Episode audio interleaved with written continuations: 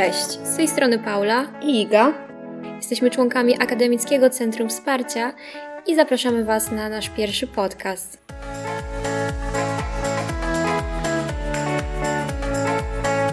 Ale najpierw zacznijmy od tego, czym jest Akademickie Centrum Wsparcia.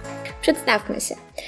Akademickie Centrum Wsparcia to organizacja, która działa w Lublinie przy UMCS-ie. Mm, jesteśmy osobami i miejscem, gdzie możecie sobie przyjść, swobodnie porozmawiać, o czym tylko chcecie. Dodatkowo organizujemy różnego rodzaju konferencje, propagujemy higienę zdrowia psychicznego.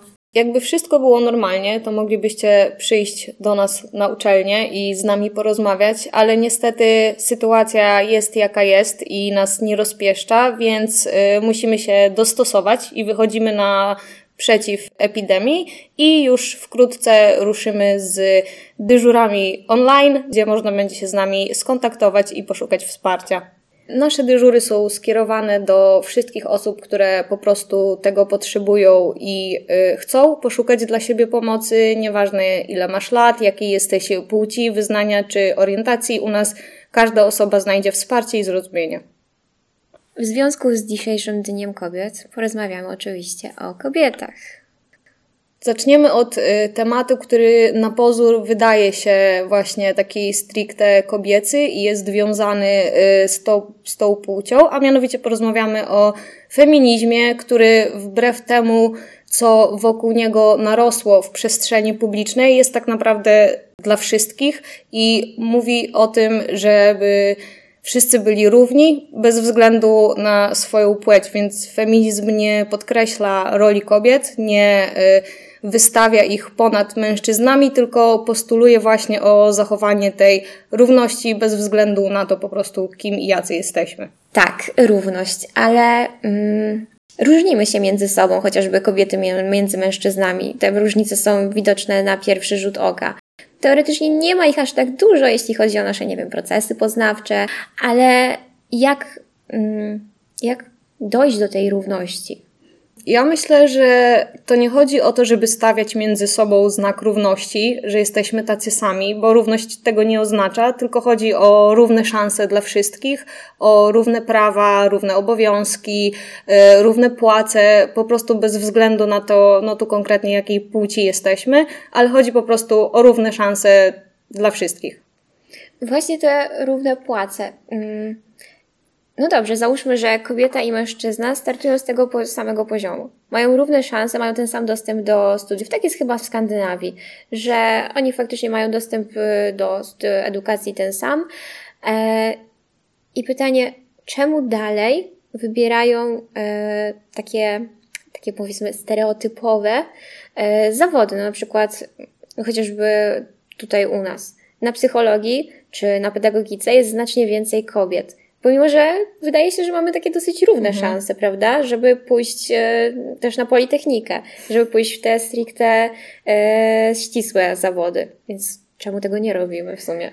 Moim zdaniem to jest y, trochę uwarunkowane tym, co robi kultura i społeczeństwo i y, postuluje się o te równe szanse, ale prawda jest taka, że tych równych szans już nie mamy na samym początku. Dziewczynki no, mają gorzej. Na mniej się im pozwala, chłopców się z większej ilości rzeczy tłumaczy, on, to, że jako końskie zaloty, takie zaczepki i tak dalej, na przykład y, ciągnięcie dziewczynek za włosy i to robi kultura, że ona utożsamia takie zachowania, takie cechy właśnie z tą grupą męską i to też konstytuuje późniejsze nasze wybory życiowe. Zakłada się, że kobiety są bardziej emocjonalne, bardziej empatyczne od mężczyzn i dlatego też one później mogą się kierować w swoim życiu, podejmując decyzje o zawodzie właśnie tymi cechami, nie? Że skoro ja jestem otwarta, empatyczna, ciepła i tak dalej, jak to na kobietę właśnie przystało, to ja się chyba nadam na pracę z dziećmi, pójdę na pedagogikę i zostanę przedszkolanką. Więc ja myślę, że y, to wynika po prostu z uwarunkowań w dużej mierze społecznych, kulturowych też w drugą stronę, żeby tak y, tylko nie jechać y, kolokwialnie po tych mężczyznach, no to oni też wcale nie mają tak łatwo, y, jakby się mogło wydawać, dlatego że z drugiej strony, jeżeli oni by chcieli taki zawód wykonywać, no to nie wpisują się w ten stereotypowy kanon męskości, prawda? Oni muszą być agresywni, rządni władzy, stanowczy. To są cechy, których się wymaga od dzisiejszego mężczyzny i e, trudno jest się przebić przez to. Jednak właśnie widać to nawet po naszych studiach. U nas jest bardzo dużo kobiet, to jest bardzo sfeminizowany zawód psychologa, pedagoga i po prostu raz, że trudniej być tym jednym rodzynkiem na roku, Później trudniej o pracę, bo są jeszcze właśnie takie stereotypy y, y, funkcjonujące w naszych myślach i y, te stereotypy funkcjonują też u osób, które bezpośrednio zatrudniają później takie osoby. Więc myślę, tak mi się wydaje po prostu, że jakby dyrektor jakiegoś przedszkola miał do wyboru dwie osoby po tych samych studiach, załóżmy, skończona ta sama uczelnia, kobietę i mężczyznę na stanowisko przedszkolanki czy przedszkolanka, no to ja myślę, że wybór, wybór jednak padłby na kobietę. Tak, zwłaszcza, że mężczyźni też od małego, kiedy są małymi chłopcami, już są uczeni, że nie mogą okazywać swoich emocji, nie mogą płakać, no bo klasyczne płaczesz jak baba, tak? Tak. I to też jest bardzo no, ogranicza, mi się wydaje, to ich i zmusza do tego, do ukrywania tych swoich emocji i później może to utrudniać nawet komunikację, no bo nie są w żaden sposób nauczeni, jak rozmawiać o tych emocjach, prawda? Tak, dokładnie. I to jest właśnie też to. Yy te różnice między nami. My je sami sobie stworzyliśmy tymi podziałami, tym, że konkretne cechy przypisujemy konkretnym osobom i wymagamy od nich konkretnych zachowań, więc to tak naprawdę my się podzieliliśmy i my zrobiliśmy te różnice. I właśnie o to chodzi w feminizmie, żeby dotrzeć do tego, żeby zauważyć, że więcej nas łączy niż dzieli i żeby po prostu myśleć i funkcjonować w taki sposób, żeby nie robić nikomu swoim krzywdy, nikomu krzywdy sposobem, w jakim my żyjemy. Z drugiej strony spotkałam się też z takim tłumaczeniem tych wyborów, że kobiety są bardziej ukierunkowane na osoby, na budowanie relacji z innymi, a mężczyźni z drugiej strony są bardziej ukierunkowani na rzeczy, czyli mhm. osiąganie celów, y, zainteresowania, a kobiety właśnie mają niby mniej zainteresowań, a bardziej skupiają się na y, pielęgnowaniu wart- y, relacji z innymi. Tak, ja myślę, że to jest też dalej coś, czego wymaga po prostu od nas społeczeństwo, nie? Właśnie ta matka Polka przysłowiowa, opiekunka domu rodzinnego, y, kobieta zawsze wysłucha, wesprze, okaże wsparcie emocjonalne. Tego po prostu się oczekuje od y, kobiety, matki, żony, a od mężczyzny już y, niekoniecznie. W sensie, że u kobiet to jest naturalne i taką cechę charakteru przyjmuje się jako coś y, naturalnego właśnie, a u mężczyzn y, się to podkreśla, nie? Że jak jakiś mężczyzna, że on jest wrażliwy, to trzeba to zaznaczyć, że jak na mężczyznę, to on jest naprawdę wrażliwy i emocjonalny. Także to dalej też robi społeczeństwo. No dobrze, w takim razie co możemy zrobić, żeby dbać o to zachowanie równości między nami, między płciami? Niby proste, ale nie do końca, nie? By się wydawało. No ja myślę, że przede wszystkim mm, ważna jest taka empatia i po prostu pomyślenie, że no nie zrobię komuś tego, czego ktoś, nie chciałabym, żeby ktoś mi zrobił, jakąś rzecz, nie chcia, że nie potraktuję kogoś tak, jak ja bym nie chciała zostać potraktowana. E, myślę, że bardzo ważny też jest język, którego my używamy, właśnie to takie nie jak baba, albo jak na kobietę całkiem dobrze prowadzisz samochód, czy tam jak na faceta jesteś, coś, żeby właśnie unikać tego podkreślania, że jak na kobietę, jak na mężczyznę, bo to właśnie buduje e, te podziały między nami, to cały czas podkreśla to, że my jesteśmy inni. E, więc myślę, że język, którego używamy, jest bardzo ważny. To empatyczne podejście do drugiej osoby. Wydaje mi się, że warto też spojrzeć od strony gospodarki, bo jednak stanowiska, które, bo na przykład zawody, którymi zajmują się mężczyźni, takie stricte właśnie ścisłe zawody jak finanse, inżynierzy, to są zawody wyżej opłacane. Nie oszukujmy się, a mimo wszystko na nauczyciela nauczyciel to też jest ogromna odpowiedzialność, prawda? No, zdecydowanie. Bo to właśnie nauczyciel ma się zajmować wychowaniem naszych dzieci, że tak to podkreślę, e, więc na niego spada ta odpowiedzialność za to, jakie te dzieci będą w przyszłości po części, no bo nie oszukujmy się, dzieciaki w szkole spędzają ile? 6 godzin, 7 mhm. godzin dziennie. No to jest naprawdę masa czasu i masa ich życia, więc wydaje mi się, że ważne, żeby też gospodarka to zwróciła na to uwagę, że takie zawody opiekuńcze, jak nauczyciel, jak e, przedszkolanki, jak pedagodzy, jak psycholodzy. To jest bardzo słabo opłacany zawód tak naprawdę, zwłaszcza jak jeśli mowa o, no nie wiem, NFZ czy o szkoły publiczne. Tak, zdecydowanie. No jest w, w, tym problem. Myślę, że y, no, powinno to wyglądać zupełnie inaczej, prawda? Chcieli, na pewno byśmy tego chcieli, żeby w końcu powstała i funkcjonowała w praktyce jakaś ustawa o zawodzie psychologa, żeby to było jakoś prawnie określone, a teraz tak no naprawdę to jest martwe, nie? I nie ma żadnego żadnej kontroli nad tym, więc y, no tak, myślę, że podkreślenie wagi tych zawodów opiekuńczych jest bardzo ważne, bo ważne jest właśnie to, jak wspomniałeś, nauczyciele to są osoby, które wychowują nasze dzieci. Jednym z, jedną z funkcji szkoły jest ta funkcja wychowawcza, więc to ona kształtuje te nowe pokolenia, późniejszych tych wyborców i tak naprawdę to, jak ta gospodarka będzie wyglądać, więc to jest kolejna rzecz, którą my możemy robić, żeby tą równość zaznaczać na każdym kroku i starać się wprowadzać właśnie, właśnie życie to, w własne życie, to właśnie tutaj taki postulat do nauczycieli, żeby oni też to robili, nie? Już y, na poziomie jakichś zajęć, lekcji i tak dalej, żeby y, unikali takiego szufladkowania ze względu na płeć, że właśnie y, ten chłopiec może być niegrzeczny trochę bardziej, bo to jest chłopiec, a ta dziewczynka to powinna mieć lepsze oceny, no bo jest dziewczynką, nie? To yy, mogłaby się pouczyć trochę lepiej. Także ja myślę, że tutaj właśnie te zawody, które mają styczność z tymi dziećmi, już z tymi młodymi pokoleniami, że to jest ważne, żeby one przede wszystkim yy, w swojej pracy zawodowej tą równość podkreślały i wprowadzały na co dzień w takich yy, naturalnych sytuacjach, bo to nie jest coś, co my, czego my musimy się specjalnie uczyć tak naprawdę. To nie, do tego nie potrzeba szkoleń, y, warsztatów, tylko możemy to w takie drobne zmiany wprowadzać na poziomie codziennego życia, takich prostych y, sytuacji i w ten sposób będziemy się uczyć, że to jest po prostu normalne. Chodzi o to, żeby to znormalizować. Tak, ale powiem Ci, jest takie światełko nadziei, bo um, po studiach, tak y, między studiami a praktykami, a tutaj Akademickim Centrum Wsparcia, dorabiam sobie w księgarni i widzę, że pojawia się coraz więcej książek, takich świadomych o tym właśnie o równości, e, o tym, że nie warto ukrywać swoich emocji, że warto je okazywać, że warto je rozumieć, że mamy prawo je w ogóle wyrażać. I to jest naprawdę fajne, a też fajne jest to, że faktycznie przychodzą rodzice i pytają się o takie książki, które, o takie bajkoterapie, bajki, które uczą dzieci, jak wyrażać emocje, o tym, o poczuciu mhm. własnej wartości. Więc jest jakaś nadzieja faktycznie w tych młodych rodzicach.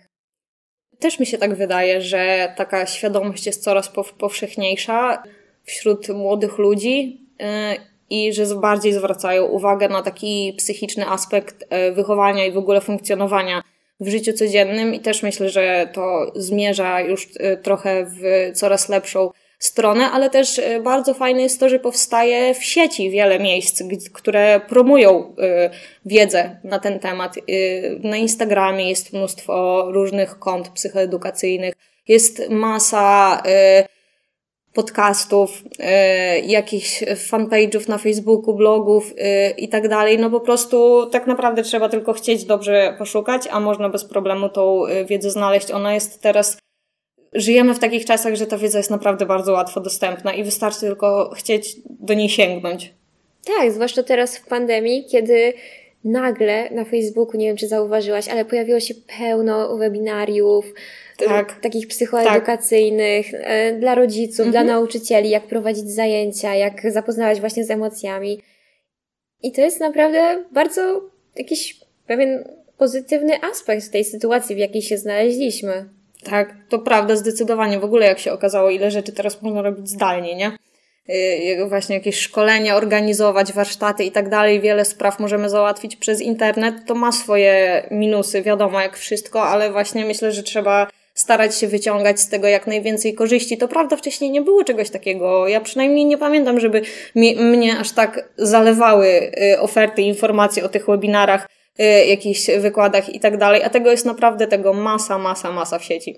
I przede wszystkim mamy po prostu do tego dostęp, bo one zazwyczaj są darmowe, czy tam jakaś niewielka opłata, nie wiem, ale ta opłata jest zazwyczaj tak. za jakiś certyfikat, jeżeli mhm. chce się mieć. I to jeszcze najczęściej jest w godzinach wieczornych, gdzie można sobie bez problemu odpalić już y, tak na odpoczynek jakiś y, fajny wykład. Także y, warunki są sprzyjające do tego, żeby tą wiedzę zdobywać, tylko już teraz na, nasza wola, czy tak, my, to, czy my to wykorzystamy, dokładnie. A jeszcze powiedz mi, tak wracając do tych zawodów, czy są zawody, których faktycznie kobieta nie powinna wykonywać? Czy to faktycznie tak jest? Ja tak nie uważam.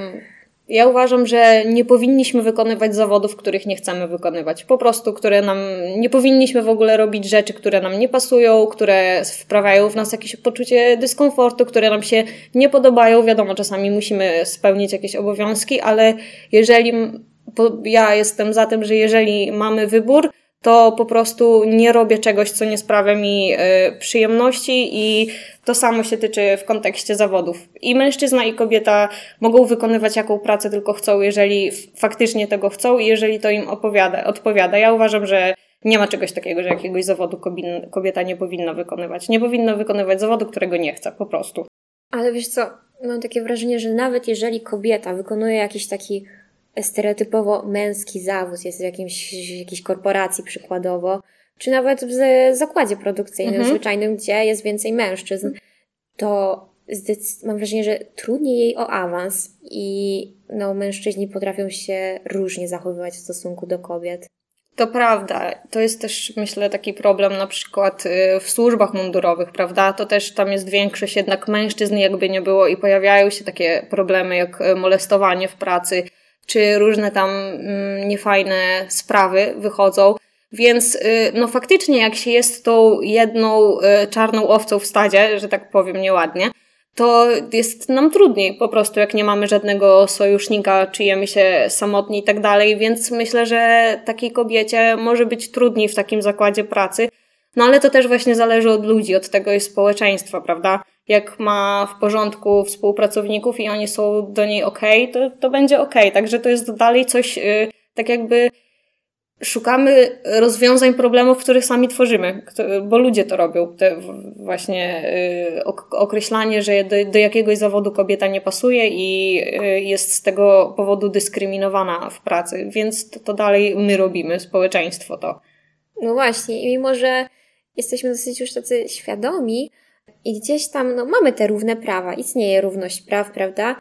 Ale dalej jest to widoczne właśnie, że kobiecie jest trudniej o awans, że no powiem Ci tak z własnego doświadczenia, pracowałam kiedyś w zakładzie produkcyjnym i faktycznie było tam więcej mężczyzn i wielokrotnie była zwracana uwaga na mój wygląd i były różne uwagi w moim kierunku pod e, mhm. względem wyglądu.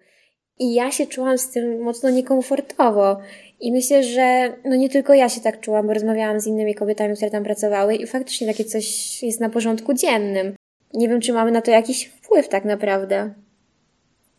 Myślę, że mamy na to wpływ na takiej zasadzie, że możemy informować tą drugą osobę, ej, to co robisz jest nie w porządku, nie?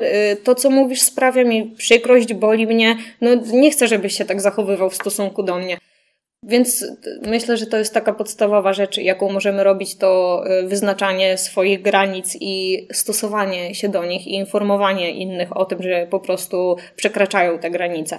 No wiadomo, że jeżeli y, ta osoba może tego po prostu nie zaakceptować, nie przyjąć do swojej wiadomości i wtedy może się już zrobić nieprzyjemnie, więc myślę, że no na ile możemy, to żeby się od takich osób po prostu odcinać, nie? Jakoś, nie wiem, starać się pracować na innej zmianie albo w innym miejscu, wśród innych osób, tak żeby zapewnić sobie poczucie komfortu i bezpieczeństwa.